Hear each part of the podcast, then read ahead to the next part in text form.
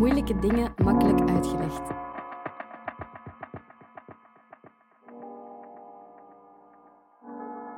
Dit is de podcast van Moeilijke Dingen Makkelijk Uitgelegd. Wie de wereld wil verbeteren, moet wel begrijpen hoe die werkt. Daarom laten we in Moeilijke Dingen Makkelijk Uitgelegd een expert 10 minuten aan het woord om een complex onderwerp uit te leggen.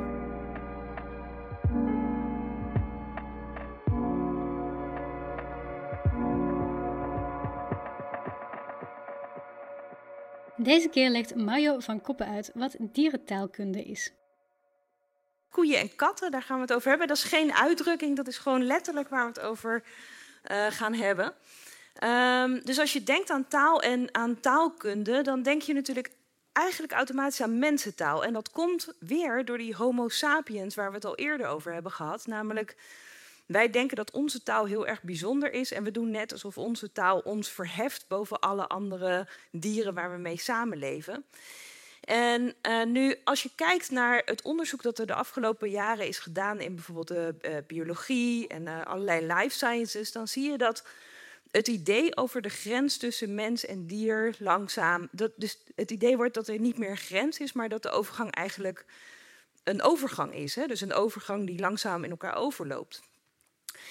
Taalkundigen wilden daar heel lang niks van weten. En toen dachten wij, nou, misschien wordt het wel eens tijd om ook in de taalkunde te gaan kijken hoe wij ons verhouden tot andere uh, dieren. Omdat dat ook gewoon nu heel erg belangrijk is. Dus om alles wat Tine net heeft gezegd, moeten wij op ons op een andere manier gaan verhouden tot dieren. En een van de dingen die we zouden kunnen gaan doen, is gewoon eens luisteren wat zij te zeggen hebben. Dus we dachten, we gaan dat doen. En uh, biologen kijken natuurlijk heel vaak naar hoe dieren zich gedragen. Maar wij zijn taalkundigen en wij zijn de experts in communicatie. Dus wij dachten, we gaan eens met die taalkundige tools die wij hebben, gaan we kijken naar wat dieren nu eigenlijk uh, precies uh, doen. En dat heeft uh, twee belangrijke resultaten. Namelijk, het eerste is dat we beter gaan begrijpen wie de dieren zijn met wie wij onze planeet delen. Of zij delen eigenlijk de planeet met ons. En wij zijn niet zulke goede gasten op die planeet.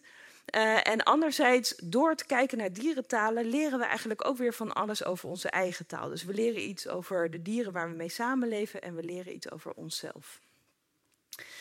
Nou is dat natuurlijk niet zo heel erg makkelijk. Dit is trouwens Coco de gorilla. Ik weet niet of jullie Coco kennen, maar Coco is uh, uh, opgevoed door uh, taalkundige onderzoekers die haar gebarentaal hebben geleerd. Als je dat aan gebarentaaldeskundigen vraagt, is ze daar heel slecht in. Als je het vraagt gewoon aan mensen die de filmpjes kijken, denk je: wow, dat is echt heel knap wat Coco allemaal kan vertellen, zeg maar, met gebarentaal. Dit is niet wat wij willen doen. Dus wij willen niet dieren uit hun natuurlijke context halen en ze dan proberen mensen taal te leren. Wat we denken is, we moeten niet de dieren opleggen hoe wij praten, maar we moeten luisteren naar wat zij zeggen, zodat wij beter kunnen begrijpen hoe zij zelf uh, communiceren. Maar dat is natuurlijk razend moeilijk, want als je uh, je bevindt, dus wij hebben zelf onderzoek gedaan in uh, melkvee, intensieve melkveehouderijen. En dan is het niet zo heel makkelijk als je daar staat om te bedenken van ja, wat gebeurt hier nou eigenlijk? Dus wat we doen is heel, heel, heel veel veldwerk. Dus we staan tussen de koeien dagenlang om samen te leren wat zij nu eigenlijk aan het zeggen zijn. Ja, dat is, dat is helemaal niet zo grappig als je zou denken hoor, om de hele dag in een, in een stal te staan. En dan moet je natuurlijk ook gaan kijken naar taal voorbij gesproken taal. Hè. Dus uh, dieren uh, maken, zo noemen biologen dat vocalisaties, dus die maken allerlei geluiden. Maar eigenlijk is hun communicatie, en stiekem ook onze communicatie, veel breder dan die vocalisaties. Dus als we kijken naar dieren, dan kijken we eigenlijk naar allerlei verschillende uh, manieren om een boodschap over te brengen. Dus denk aan het bewegen van oren, staarten, de manier waarop ze zich positioneren in de ruimte, maar ook de manier waarop ze gebruik maken van de ruimte. Daar gaan we straks een voorbeeldje van zien. Nou, dit is dan uh, de methode dus. Hè. Dus ik zei al, uh, veldwerk. Dit is in een, um, een grote melkveehouderij uh, in, uh, net onder de rook van Rotterdam met 130 uh, melkveekoeien. Natuurlijk allemaal mevrouwen. De koeien, de boer is een man. Ehm, en wij zijn dan dus in die stal aanwezig en we kijken wat er gebeurt. En we werken daar natuurlijk, dus we gaan daar niet blind in. Hè, dus we werken samen met mensen die al veel langer koeien, katten en andere dieren bestuderen. Dus bijvoorbeeld biologen, etologen. Dus het is ook heel interdisciplinair onderzoek. Uh, vandaag wilde ik twee voorbeelden geven. Als ik daar stemtechnisch en tijdtechnisch aan toe kom. Dus normaal gesproken klink ik niet zo, uh, zeg maar, New York-achtig. Dus normaal gesproken klink ik iets uh, normaler.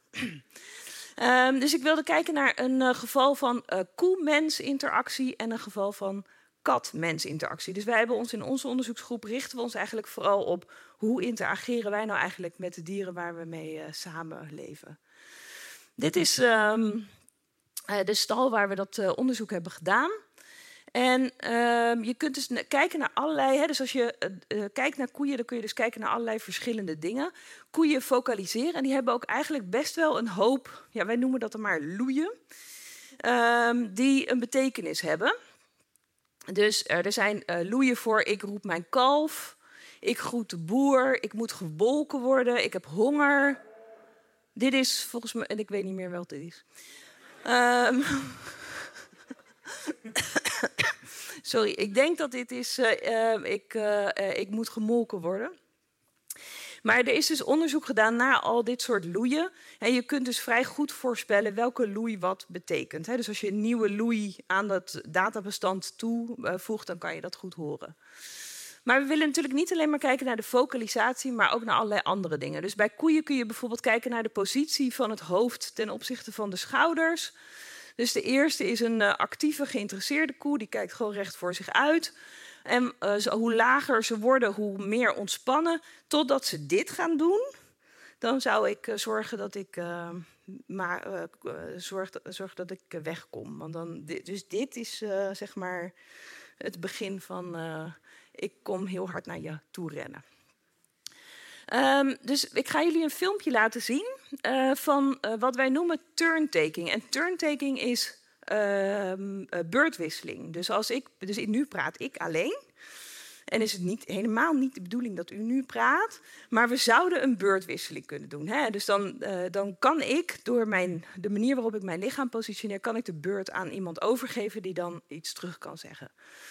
We maakten dit filmpje van deze koe dat, die filmpjes kijken we duizend keer en die schrijven we helemaal uit. Dus we schrijven van alles wat de koe doet en van wat het mens doet uit wat er gebeurt. En uh, dit filmpje hebben we dus echt heel vaak bekeken, maar er zijn, je kunt dit soort filmpjes de hele tijd maken in de stal. Dus dit is maar een voorbeeld. Ik hoop dat hij het gaat doen. Oh, en het is vertraagd. Dus koeien zijn traag, maar niet zo traag. Oké, het gaat om deze, uh, deze uh, rood bonte koe. Die hebben we P genoemd. Hier stopt ze. Dus ze stopt voor. Uh, dus ik ben, de, ik ben degene die staat te filmen. En ik sta zeg maar zo naar haar uh, te filmen. En ik heb geen idee waar naar ik kijk. Hè. Dus ik sta gewoon maar te filmen en te filmen. En zij blijft maar zo staan en naar mij kijken. Secondenlang. Dat is heel lang. Hè. Dus als iemand je secondenlang aankijkt, dat is heel lang.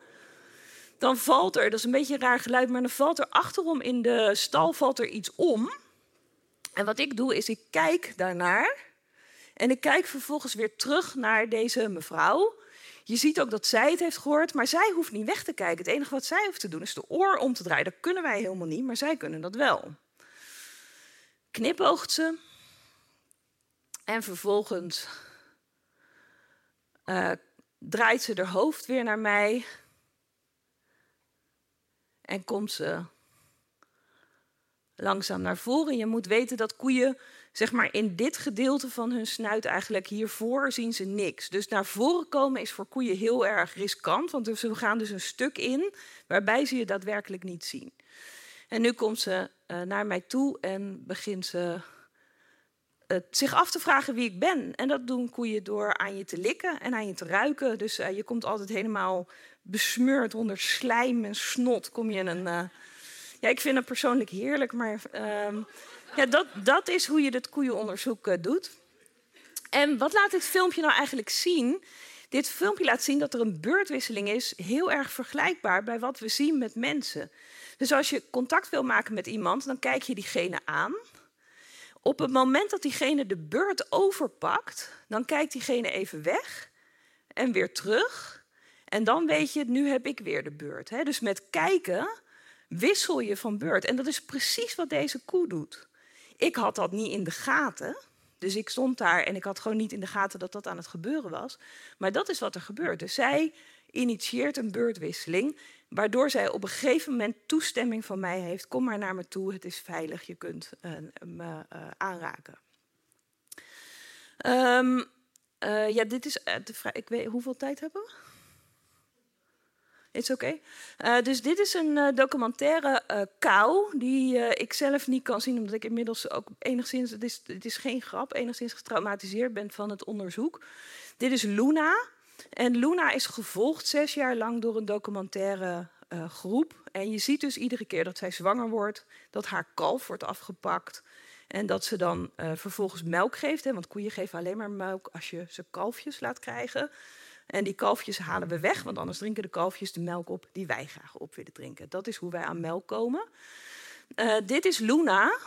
En haar kalf is net weggehaald. Ze is net bevallen en ze hebben meteen haar kalf weggehaald.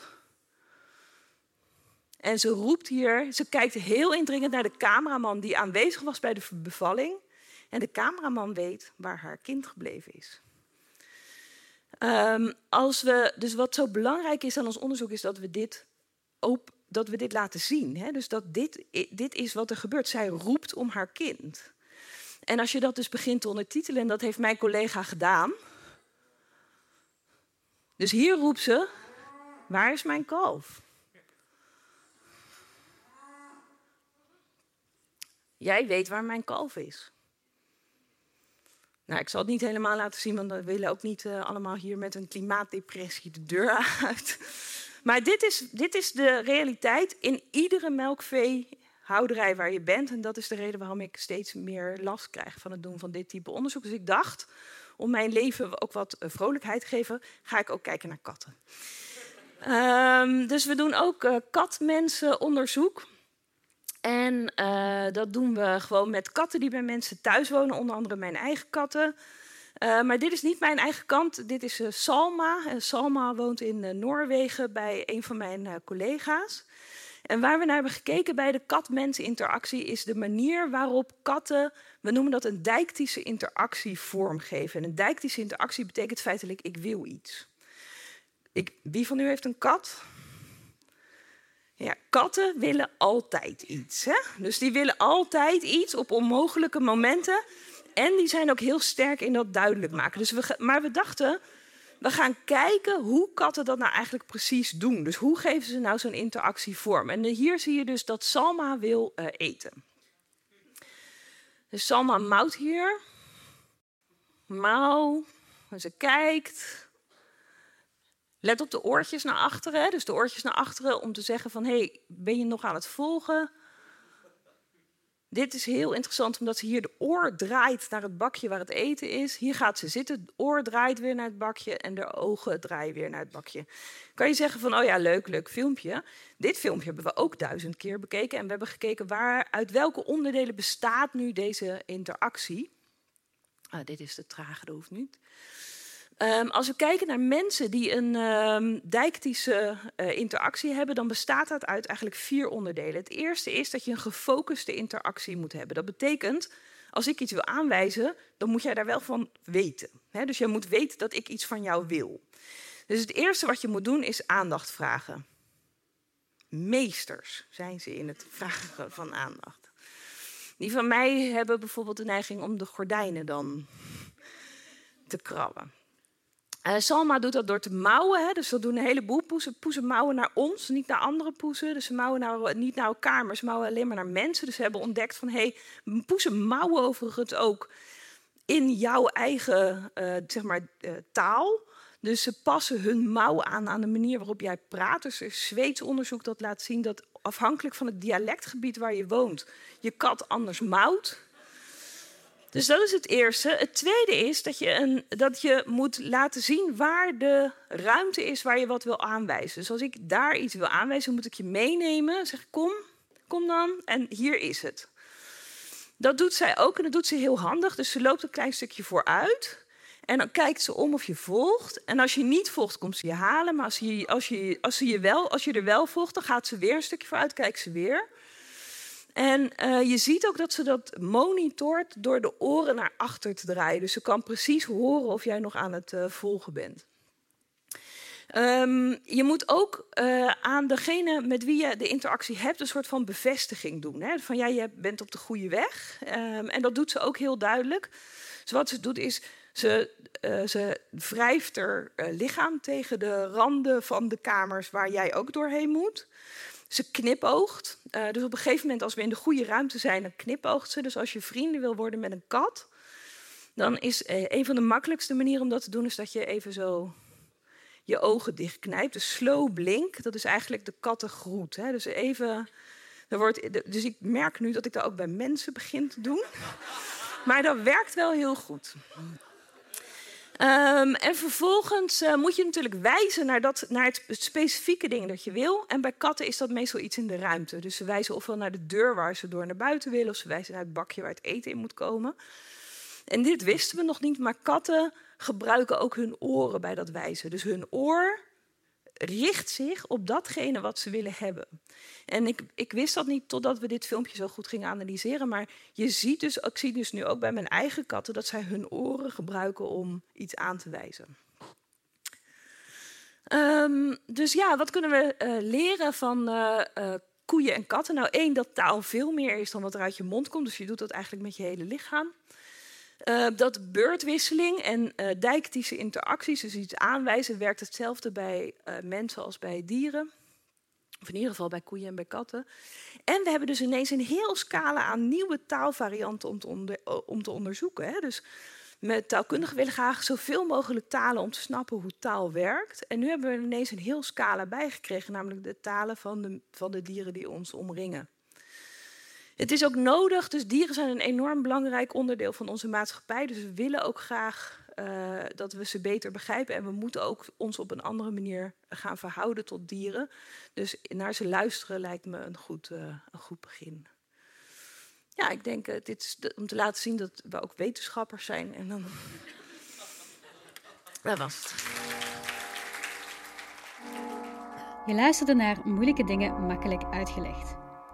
Mijn naam is Selma Fransen en dit evenement organiseerde ik samen met Curieus, De Buren en Mo. Wil je graag reageren of een evenement bijwonen? Kijk dan op de Facebookpagina van Moeilijke Dingen Makkelijk Uitgelegd. Deze podcast is opgenomen tijdens de Week van het Nederlands 2023.